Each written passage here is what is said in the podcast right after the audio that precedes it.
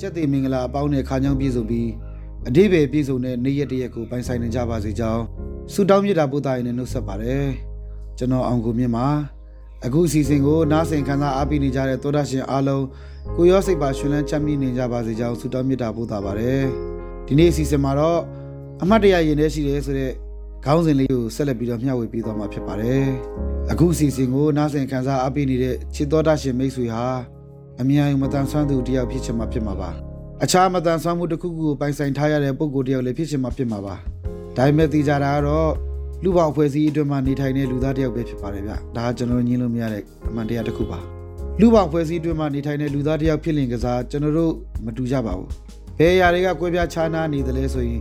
တရားနဲ့တရားအတွေ့အကြုံတွေမတူဘူးခံစားချက်တွေမတူဘဝဖြတ်သန်းမှုအတွေ့အကြုံတွေမတူကြပါဘူး ဒါကြောင့်မတူကွဲပြားတဲ့အကြောင်းအရာတွေကိုကျွန်တော်တို့လေ့လာတဲ့အခါမှာကျွန်တော်တို့အားလုံးရဲ့အနာဂတ်ဘဝကိုသွားကြတဲ့အခါမှာဘဝအောင်မြင်တိုးတက်ဖို့အတွက်စိတ်ချမ်းမြေ့မှုတွေရရှိဖို့အတွက်ဆိုရင်တော့အခုကျွန်တော်ပြောပြမယ့်အကြောင်းအရာလေးကမိတ်ဆွေတွေအတွက်တစုံတရာအထောက်အပံ့ဖြစ်မယ်လို့ကျွန်တော်ကတော့အပြည့်အဝယုံကြည်ပါတယ်။နားဆင်နေတဲ့သောတာရှင်ဟာလည်းကျွန်တော်လိုပဲယုံကြည်တယ်ဆိုလို့ရှိရင်ဒီအစီအစဉ်လေးကိုအဆုံးထိလိုက်ပါခန်းစားနားဆင်ပေးဖို့ကြိုတင်ပြီးဖိတ်မှန်တဲ့ကပြုပါတယ်ဗျ။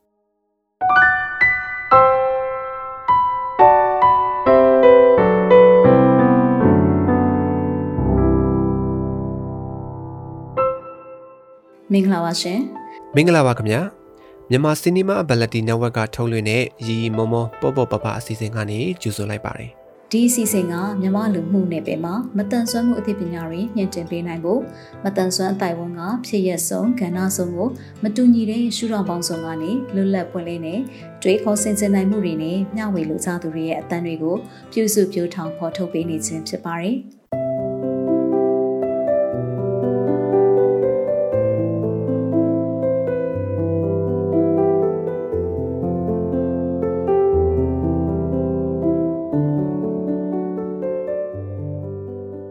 ကျွန်တော်လွန်ခဲ့တဲ့အစီအစဉ်မှာတော့မြဲမြံကြောင်းသားဘဝချစ်စရာကောင်းတဲ့အတွေ့အကြုံလေးတွေညှောက်ပေးခဲ့ပါတယ်ဒီနေ့မှာတော့မြဲမြံကြောင်းနေနဲ့အလုပ်လုပ်ခဲ့တဲ့အတွေ့အကြုံတွေကိုမျှဝေမယ်လို့ကျွန်တော်ကြိုတင်ပြီးတော့မှကတိထားခဲ့ပါတယ်ဒီအစီအစဉ်လေးကိုမစခင်မြဲမြံကြောင်းသားဘဝရဲ့အတွေ့အကြုံတချို့ကကျွန်တော်ပြောဖို့ကြံနေခဲ့သေးတယ်ဗျဒါတွေကလည်းမပြောမဖြစ်ပြောရမယ့်အကြောင်းအရာတွေဖြစ်တဲ့အတွက်ကြောင့်ရှေ့ဆက်ပြီးတော့အနေငယ်တော့ထပ်ပြီးတော့မျှဝေခွင့်ပြုပါဦးများနော်အဲ့ဒါတော့ကျွန်တော် ဆယ်ရန်အောင်တဲ့နေ့အတွေ့အကြုံလေးကိုစပြောချင်တာပါဗျာနော်ဆယ်ရန်အောင်တဲ့နေ့လေးပါဗျအဲ့တော့ဆယ်ရန်အောင်ချင်းထွက်တော့မယ်ဆိုတော့ကျွန်တော်တို့ကမိသားစုနဲ့အတူတူပေါ့အမေရယ်ကျွန်တော်ညီရယ်ကျွန်တော်တို့ကားနှစ်စီးနဲ့သွားကြတယ်ဗျကျွန်တော်ကကျွန်တော်ဦးလေးတိုက်စီလေးနဲ့လိုက်တယ်အမေတို့ကတော့အေးရကားနဲ့လိုက်ကြတာပေါ့ဗျာကျွန်တော်အလုံကနေသွားတာပါဗျအလုံကနေအောင်စင်းကဟိုအင်းစိန်အောင်ဆန်းကြောင်းမအောင်သွားကြည့်တာဗျကြောင်းမအောင်သွားကြည့်တာနော်အဲ့တော့အဲ့ဒီအချိန်ကကားရှင်းပါတယ်ဗျဒါပေမဲ့ ဘလောက်ပဲကားရှင်နေပဲပြောပြောအဲအချိန်ကတော့တနားရီလောက်ကြာသွားတာပါဗျာနော်အဲ့တော့ခုံနံပါတ်အရာအောင်စင်းသွားကြည့်တဲ့ခါမှာကျွန်တော်အောင်စင်းတွေ့တော့အရန်ကျွန်တော်ဝမ်းသာသွားတယ်အရန်ဝမ်းသာသွားတယ်နော်အဲ့ဒါကျွန်တော်ပြီးတော့နေဦး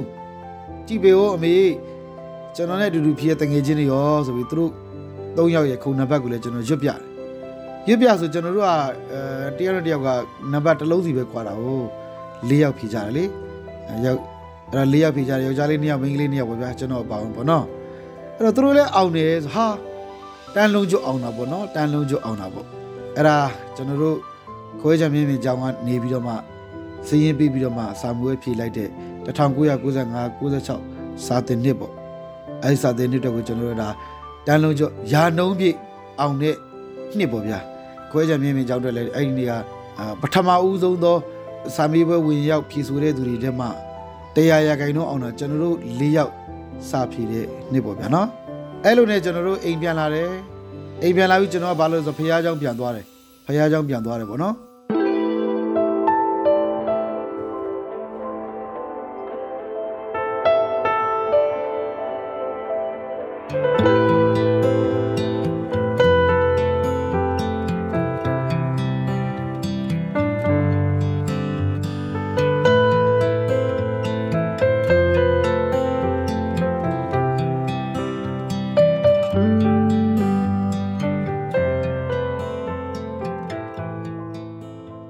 ရားကျောင်းကလည်းခွဲကြမှာရှိတယ်ဗျအဲ့တော့ခွဲကြမှာရှိတယ်ဘုရားကျောင်းသွားတော့အဲ့ဒီမှာအဲ့ဒီတော့လက်ထောက်သေးအောင်ဆရာဖြစ်နေခဲ့တဲ့အဲ့ဒါဆရာဦးသိန်းလင်းကဘုရားကျေးဇူးတော်ချီးမွမ်းတာပေါ့သူကဝမ်းသာအားရသူကကျေးဇူးတော်ချီးမွမ်းတာသူကဘယ်လိုချီးမွမ်းလဲဆိုတော့အားလုံးအောင်နေဒီလိုတော့မထင်ထားဘူးပေါ့နော်ကြာရင်ကြာတယောက်တော့ကြာမယ်ပေါ့လေကြာရင်ကြာတော့အောင်ကိုမြင့်ကြာပေါ့အောင်ကိုမြင့်ကတထေးသားအဲသူကပြန်ပြေးနိုင်တယ်ကျောင်းကလေးတွေကတော့ဒါမပြည့်စုံဘူးအဲသူတို့တော့အောင်စီခြင်းတယ်ဆိုပြီး အဲ့လိုစိတ်ထဲမှာစဉ်းစားထားတာတဲ့ဒါပေမဲ့တဲ့တန်းလုံးချအောင်တယ်ဗျာဆိုပြီးသူအယံဝမ်းသာလို့ဒါသူဖះကျေးဇူးတော်ချီးမွမ်းရင်းနဲ့အဲစသလိုနောက်သလိုနဲ့ဓမ္မပရိသတ်တွေကိုအဲ့လိုပြောတာပေါ့ဗျာအဲ့တော့ဘာဖြစ်ဖြစ်ကျွန်တော်တို့တွေလည်းဝမ်းသာရသလိုအဲ့ဒီနေ့ဖះเจ้าလာတဲ့ဒီခွဲချံမြင့်မြင့်ကျောင်းဝင်မှာရှိတဲ့အသင်းသူအသင်းသားတွေသာမကပဲအဲ့နာပတ်ဝန်းကျင်ရရှိတဲ့အဲဧည့်သည်အသင်းသူအသင်းသားတွေလည်းဖះကျေးဇူးချီးမွမ်းရတယ်ဝမ်းသာပီတိဖြစ်ရတယ်ကျွန်တော်လည်းပြောလိုက်တာဗျာအဲ့ဖះเจ้าပြီးတော့အိမ်ပြန်လာတယ်ဗျာအိမ်ပြန်လာပြီးထမင်းလေးစားပြီးတော့ တငယ်ချင်းတွေနဲ့ရှောက်လေတာပေါ့ဗျာနော်တငယ်ချင်းတွေနဲ့ရှောက်လေတာအဲတငယ်ချင်းတွေနဲ့ရှောက်လေပြီးတော့အဲ့နေရာတော့မှတ်မှတ်ရဗျာအဲညာဘက်ခြေထောက်လေးပေါ့ခြေဖနှောင်လေးကိုကားဘိန်းလေးနည်းနည်းလေးတက်ကြိတာလေးခံလိုက်ရတယ်အဲ့ဒါသူများကားမဟုတ်ကိုကားနဲ့ကိုဖြစ်တာဒါပေမဲ့အဲပို့ရလေးပဲဖြစ်သွားတာပါဒါပေမဲ့ပထမဆုံးအချိန်ကိုကားနဲ့ကိုပြန်ပြီးတော့မှအခြေခံရတဲ့အမတ်တရားရဲ့၁၀တန်းကိုနှစ်ချင်းပေါက်အောင်တယ်ကိုတငယ်ချင်းတွေနဲ့အတူတူအောင်တယ်ဖះကြီးတို့ချင်းမွန်းရတဲ့အိန္ဒိယပြပြပပနဲ့အဲ တောက်ကြစားကြတာပေါ့ဗျာတောက်ကြစားကြတာဆိုတော့တခြားတော့မထင်ပါနဲ့လက်ဖိတ်နဲ့မုတ်ကိုပြောတာပါလို့เนาะအဲအိန္ဒိယတော့ကျွန်တော်တို့အတွက်ပြောလို့မဆုံးနိုင်ပါဘူးနောက်နေ့အဲ့ဒီအကြောင်းပြန်သွားပြီးတော့ကျွန်တော်တို့လှုပ်အားပေးတာပေါ့လေကျွန်တော်တို့ကအဲဒါအောင်စင်းစောင့်နေနေပဲအကြောင်းမှာကျောင်းဆရာဖြစ်လှုပ်အားပေးနေရင်းနဲ့ပဲပြိုကြပါကြတာပေါ့နော်အားလုံးကပြောလို့မဆုံးဂုံယူလို့မဆုံးနှုတ်ဆက်လို့မဆုံးဖြစ်ခဲ့ရတဲ့အဲနေ့ရက်လေးတစ်ရက်ဖြစ်ပါတယ်လို့ဒါကျွန်တော်ဘဝတော်တော်မမိနိုင်တဲ့အမတ်တရားတွေတွေကအမတ်တရားတစ်ခုဖြစ်ပါတယ် ဒါစာတင်နှစ်နဲ့ပတ်သက်ပြီးတော့အဲဖြစ်ခဲ့တဲ့အမတ်တရားပါဗျာနော်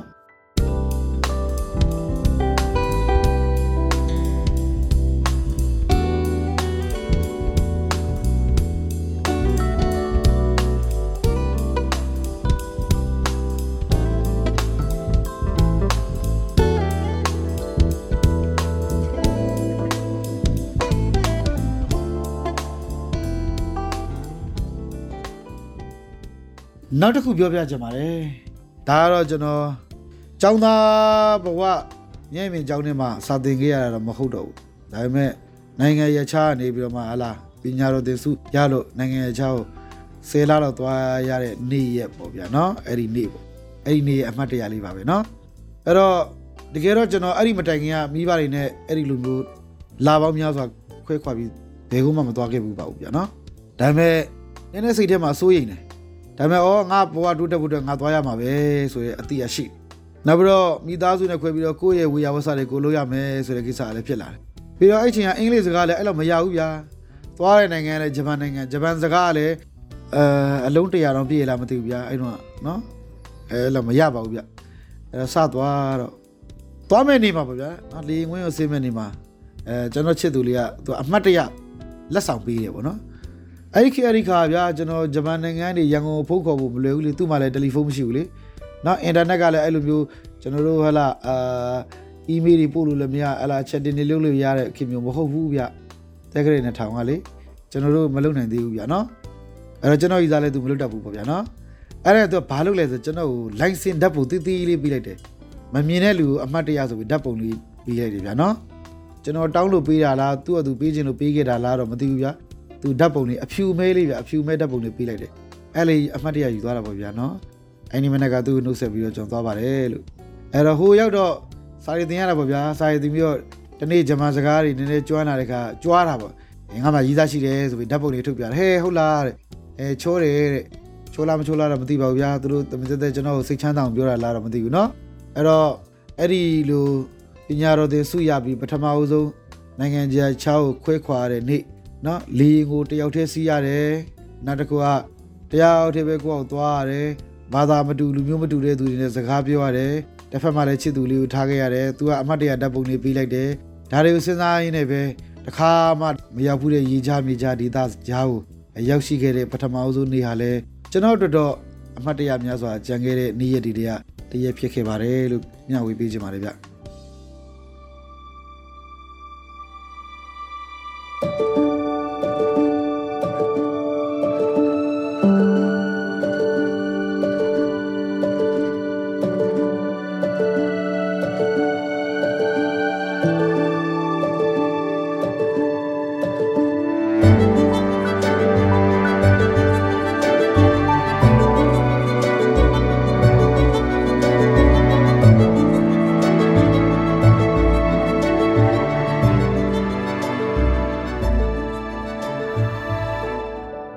ဆက်လက်ပြီးတော့မှမျက်မြင်ကြောင်များနဲ့စူပေါင်းပြီးတော့အလုပ်လုပ်ခဲ့တဲ့အတွေ့အကြုံတွေတွေက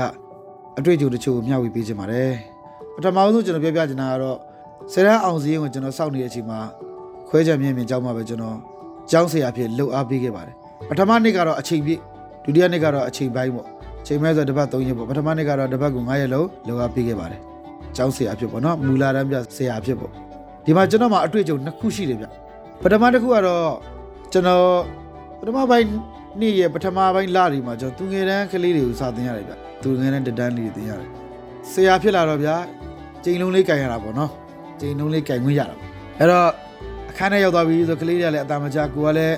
ဝင်လာတယ်ဆိုရင်ကျိန်လုံးလေးနဲ့သပွဲကိုဖြောင်းဖြောင်းဖြောင်းရိုက်လိုက်လို့ရှိရင်အော်ဆရာရောက်ပြီဆိုပြီးတော့ဒီကျိန်လုံးလေးအတန်ကြားရင်အားလုံးကသိသွားတယ်ငြိမ်သွားကြတာပေါ့အဲ့တော့စာရီစုခိုင်းနေစာရီပြန်မိတယ်စာချက်ခိုင်းတဲ့ဟာလေးတွေမိရင် မရရင်အသားလေးခြေသလုံးလေးကိုရိုက်တာမျိုးလက်ဝါးလေးကိုရိုက်တာမျိုးနှစ်ကြိမ်လုပ်ပြီနှစ်ကြိမ်လုပ်ခဲ့ပြီတရားကိုတစ်ချက်စီနဲ့နှစ်ကြိမ်လုပ်ခဲ့ပြီသုံးယောက်မြောက်ရိုက်မယ်ဆိုတဲ့အခါကျတော့အဲ့ဒီသမီးလေးရဗျာသူကကဲလက်ဖျားဆိုသူ့လက်လေးကင်ထားတာပေါ့နော်လက်ကင်သူ့လေးကိုကျွန်တော်လက်ပေါ်တင်ပြီးကျွန်တော်ရိုက်မယ်လို့လုပ်ကြတယ်သူကလက်ကလေးတုံးနေကြောက်တာမှသူတကိုယ်လုံးတုံးနေတယ်ကဲဟုတ်ပြီနင်အဲ့ဆိုနင်ကိုလက်ကမြက်တော့ခြေထောက်ခြေသလုံးရိုက်မယ်ဆိုဟိုဘက်လက်လို့ပြောလို့ရှိတယ် တကိုယ်လုံးကတုံလာခြေထောက်တွေရောလက်တွေရောတုံလာတော့အော်သူတော်တော်ကြောက်ရှာတာပဲကျွန်တော်တို့ငငယ်တုန်းကကြားဘူးတယ်ဗျာသိလားမျက်စိမမြင်တဲ့သူတွေကမကြောက်တတ်ဘူးတဲ့နော်အန်ဒီရလာတာကိုဥမာတရေဆိုလဲမကြောက်တတ်ဘူးပေါ့ဗျာဟိုစကပုံတော့ရှိတယ်လေမြက်ကန်းသက်စီမကြောက်တဲ့သူတို့ကဘလို့ရွေချက်နဲ့ဒီလိုစကပုံထားခဲ့လဲမသိဘူးမျက်စိနဲ့မမြင်ရတော့မကြောက်တတ်ဘူးလို့ထင်တာပေါ့နော်အဲ့တော့ဒုတ်နဲ့ရိုက်တော့မယ်လို့ပြောလိုက်တာနဲ့ဒုတ်လာနေတာဒုတ်ရွယ်နေတာကို तू မမြင်ဘူးဗျာဒါပေမဲ့ तू ကြောက်နေတာဗျာနော်ကြောက်နေတာ အဲ့တော့ကျွန်တော်ဘာသွားစဉ်းစားမိလဲဆိုတော့အဲ့ဒီအခိုက်အတန့်နေမှာပဲအော်ဘသူရန်ကြောက်နေချပါလားဆိုတာ ਨੇ ဒီလောက်ကြောက်တဲ့ကလေးကိုမရိုက်တော့ဘူးမရိုက်တာကောင်းမယ်တင်နေဆိုပြီးတော့အဲ့ဒီနေရာစပြီးတော့ကျွန်တော်အဲ့တက်ကစပြီးတော့ကျွန်တော်ဘယ်သူ့မှရိုက်တာမျိုးမလုပ်သလိုချိန်လုံးနဲ့ကျွန်တော်မကင်ပြစ်တော့ဘူးဗျာနော်ဒါလေးကကျွန်တော်တို့ကလေးတွေကပြီးတဲ့ကိုချင်းစာတရားပေါ့နော်ကိုချင်းစာတရားလေးနဲ့ကျွန်တော်ပြောင်းလဲသွားတဲ့အပြောင်းလဲပထမဆုံးတစ်ခုပါလို့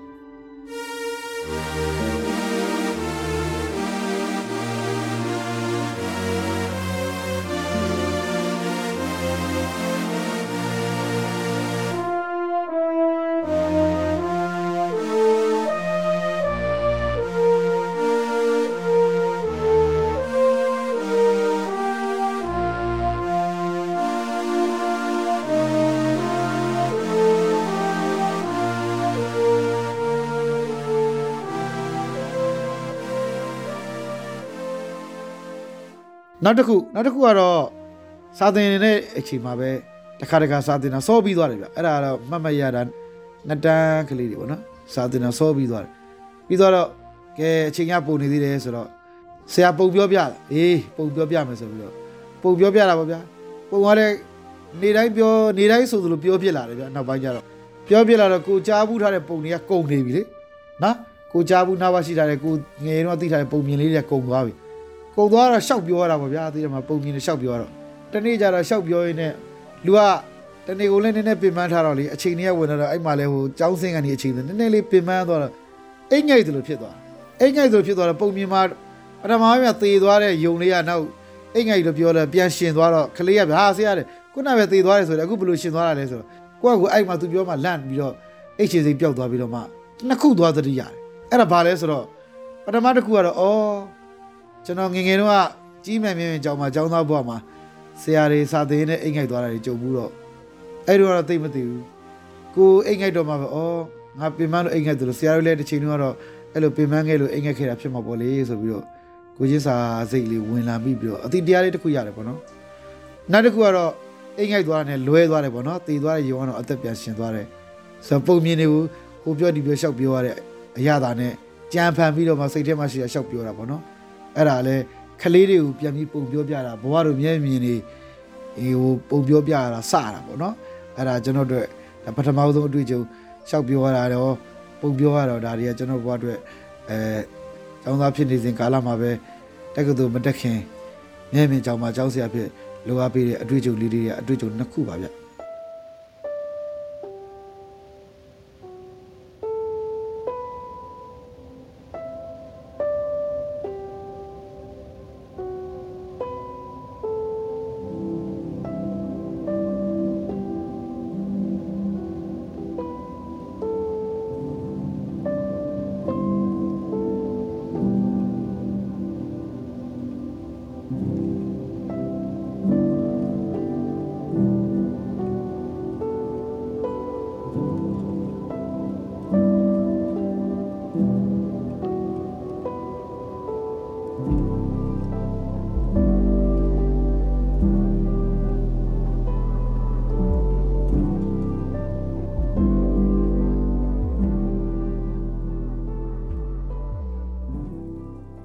နောက်ပိုင်းမှာ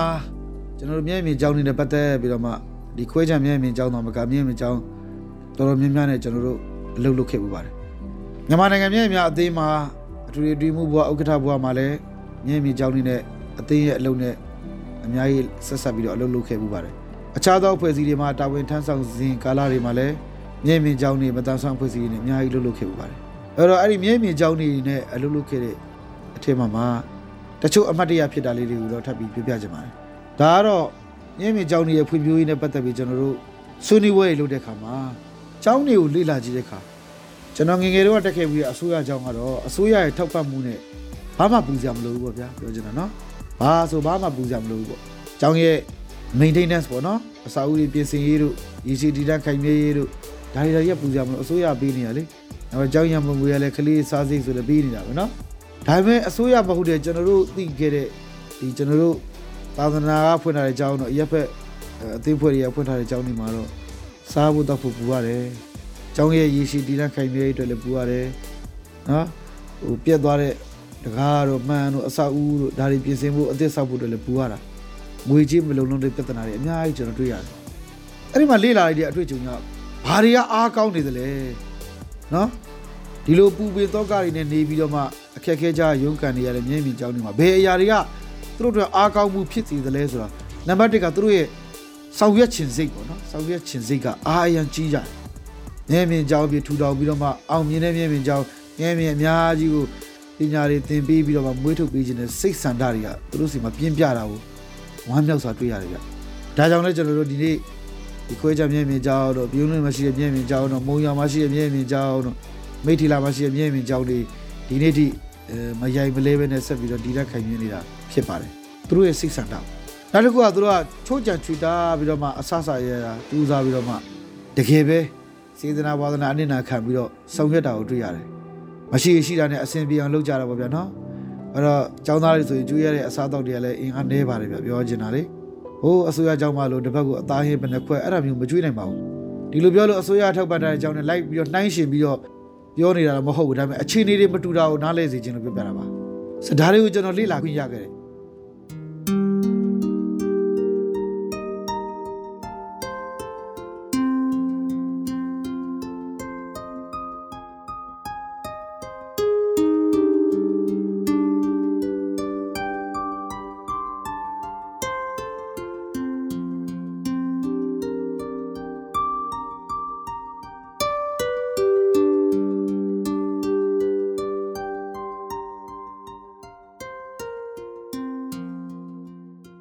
အရင်တော့ကတော့ចောင်းသားဘွားမှာတော့ဘာမှမသိဘူးလေအေးဆေးပဲပြေးမယ်ကစားမယ်တကယ်ကြီးနေတဲ့အဲစားကြမယ်နောက်ကြမယ်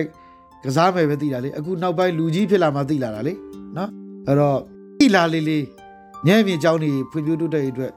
တထတာပို့ပြီးတော့မှလုတ်ပေးခြင်းစိတ်တွေကပြင်းပြလာလေးလေးဖြစ်တာပေါ့ဗျာပြောချင်တာလေအဲ့တော့ចောင်းနေရဲ့အာသာချက်တွေကိုသိလာတာအာသာချက်တွေကိုသိလာအားနေချက်တွေလည်းတွေ့ပါတယ်အားနေချက်တွေကဝန်ထမ်းတွေမပြည့်စုံဘူးပေါ့နော်ဘာဖြစ်လို့လဲဆိုတော့ လာစားပေးပြီးမှမခံနိုင်တာဗျနော်စေစနာဝန်ထမ်းဆိုတော့စေစနာဝန်ထမ်းတွေလည်းရှိတယ်တချို့ကလာစားပြီးတော့ပြီးတယ်လာစားလေးက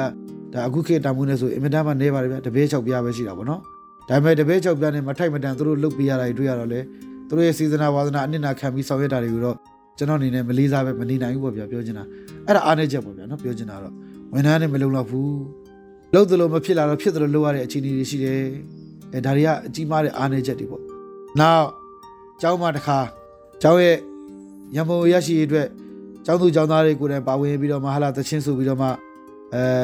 ရံပုံငွေရှာဖွေတဲ့အစီအစဉ်တွေထွက်တာမျိုးတွေဒါတွေလည်းတွေ့ရတယ်။တချို့ဆိုရင်အဲ့ဒီလိုပဲသချင်းဆိုရင်လည်းပဲသချင်းဆိုအမှုပညာဝါသနာပါပြီးတော့မှပညာဆုံးခန်းတိုင်အောင်မတင်ဘဲနဲ့ပညာတစ်ပိုင်းတစ်စားနဲ့အလုတ်ခွင့်တွေရောက်သွားတဲ့မျက်မြင်တွေလည်းရှိတယ်ဗျ။ဒါတွေကလည်းအခြေအနေကြောင့်ဖြစ်သွားတာပေါ့နော်။အခြေအနေကတုံးဖို့လိုက်တယ်လို့ဖြစ်သွားတာပေါ့။စတာတွေကလည်းအားနေချက်တွေပေါ့။နောက်တစ်အားသာချက်လေးတစ်ခုကတော့ ဒီလိုအကြောင်းတွေရှိနေတော့ညာလေသူတို့ကိုယ်ပိုင်မြေခွက်တွေနဲ့အစာအုပ်တွေနဲ့တော့ရှိနေပြီဗျပြောချင်တာလေနော်ကိုယ်ပိုင်မြေခွက်တွေနဲ့ကိုယ်ပိုင်အစာအုပ်တွေနဲ့မြဲမြံနေနေထိုင်နိုင်ဖို့အတွက်ကိုဒီလိုတွေပြင်ဆင်ထားပြီးပြီဗျပြောချင်တာလေဒါတွေကကျွန်တော်တို့မြဲမြံအကြောင်းတွေနဲ့အလုပ်လုပ်တဲ့အခါမှာတွေ့ခဲ့ရတဲ့အဲစိတ်ခေါ်မှုတွေပေါ့ဗျာနော်စိတ်ခေါ်မှုတွေနဲ့အာသာချက်တွေနဲ့အခက်ခဲတွေနဲ့အားအားနေချက်တွေဖြစ်ပါတယ်ဒါတွေကလည်းကျွန်တော်ဘဝအတွက်အလုပ်လုပ်တဲ့အမှတ်တရတွေဖြစ်ပါတယ်ဗျအလုပ်လုပ်ခဲ့ရတဲ့အမှတ်တရတွေဖြစ်ပါတယ်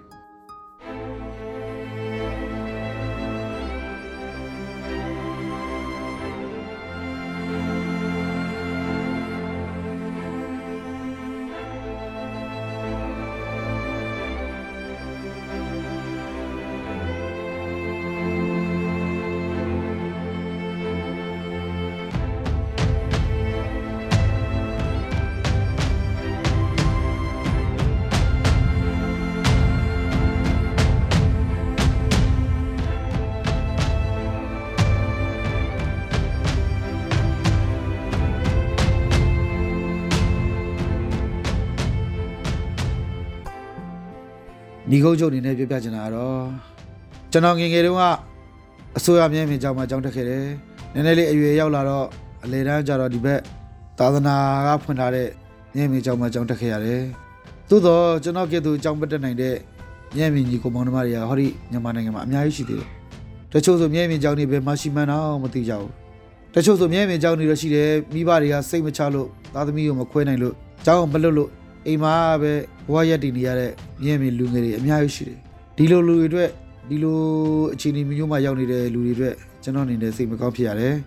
ဒါကြောင့်ဒီအစီအစဉ်လေးကိုနားထောင်ကြတဲ့ညီကိုမောင်နှမတွေနဲ့မြဲမြံကြောင်းသားကြောင်းသူတွေငယ်စဉ်ဘဝပညာသင်ယူရတဲ့အချိန်မှာကျောင်းကိုမဖြစ်မနေရောက်ဖို့အတွက်တတ်နိုင်တဲ့ဘက်ကနေပြီးတော့မှကူညီကြပါဖိမကြပါလို့ကျွန်တော်ကနေ့တိုင်းရက်ခံနေပါတယ်။ညမြင့်ကျောင်းတွေရဲ့ရေရှည်ဖွံ့ဖြိုးရေးနဲ့တည်တံ့ခိုင်မြဲရေးအတွက်လည်း အလူရှင်တွေဝိုင်းပြီးရှာပေးတဲ့အစီအစဉ်ဒါမှမဟုတ်ကိုယ်တိုင်ကိုယ်ကြစေတနာဝန်ထမ်းအဖြစ်ပါဝင်ဆောင်ရွက်တဲ့အစီအစဉ်များလုပ်နိုင်မယ်ဆိုလို့ရှိရင်လည်းတထတာပါဝင်ခြင်းဖြင့်အတွေ့အကြုံအသစ်တွေကိုရယူကြပါလို့မြေတားရက်ခိုင်နဲ့ညီကိုချုပ်ပါတယ်။အစိုးအထိနားထောင်ပေးကြတဲ့ချစ်ပရိသတ်ကြီးအားလုံးကိုအထူးပဲကျေးဇူးတင်ပါတယ်။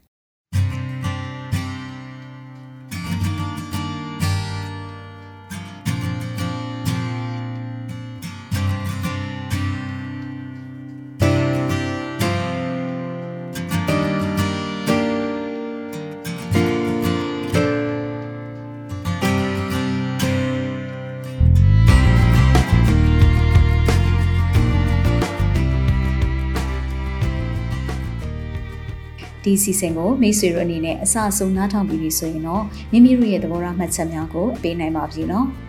ဒီစီစဉ်နဲ့ပတ်သက်ပြီးမိတ်ဆွေတို့ရဲ့မှတ်ချက်ပေးခြင်းအကြံဉာဏ်ပေးခြင်းမေးမြန်းခြင်းတို့ကိုလည်းအထူးပဲဖိတ်ခေါ်ပါရစေမိမိတို့ရဲ့ပူပေါင်းတင်ဆက်မှုအတွက်ဒါမှမဟုတ်စုံစမ်းမေးမြန်းမှုအတွက်မြန်မာ cinemability@gmail.com ဒါမှမဟုတ်တင်ဆက်သူများရဲ့ Viber နံပါတ်များဖြစ်တဲ့ကိုပြေ39 26125649နဲ့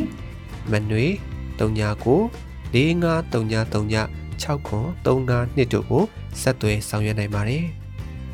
မိတ်ဆွေတို့အနေနဲ့ဒီစီစဉ်ကိုမတိသေးသူများသိဖို့လိုအပ်နေသူများမတန်ဆွမ်းအရေးကိုမိမိတို့ရဲ့လုပ်ငန်းခွင်အသီးသီးမှာထည့်သွင်းဆောင်ရွက်ဖို့စိတ်ဝင်စားသူညီသူကိုမဆိုထပ်ဆင့်ဝေမျှပေးရင်သတင်းကောင်းပေးနိုင်ပါတယ်မြန်မာပြည်သူပြည်သားများအားလုံးမတန်ဆွမ်းမှုအသိပညာတွေတိုးပွားကခွဲခြားဆက်ဆံမှုကင်းပြီးအားလုံးအကျုံးဝင်တဲ့လူမှုအတိုင်းအဝန်တစ်ခုကို အမြန်ဆုံးဖော်ဆောင်နိုင်ပါစေလို့ဆန္ဒပြုရင်းဒီကနေ့အစီအစဉ်ကိုဒီမှာရင်ရန်နာပါရစေတောတာရှင်အားလုံးနေ့ရက်အသက်တိုင်းမှာကောင်းစည်းမင်္ဂလာပေါင်းများစွာရယူပိုင်ဆိုင်နိုင်ပါစေလို့လည်းကျွန်မကဆုတောင်းမြတ်တာပို့တာအပ်ပါတယ်။နောက်ဘက်စနေနေ့ည9:00နာရီမှာပြန်ဆောင်ကြရအောင်နော်။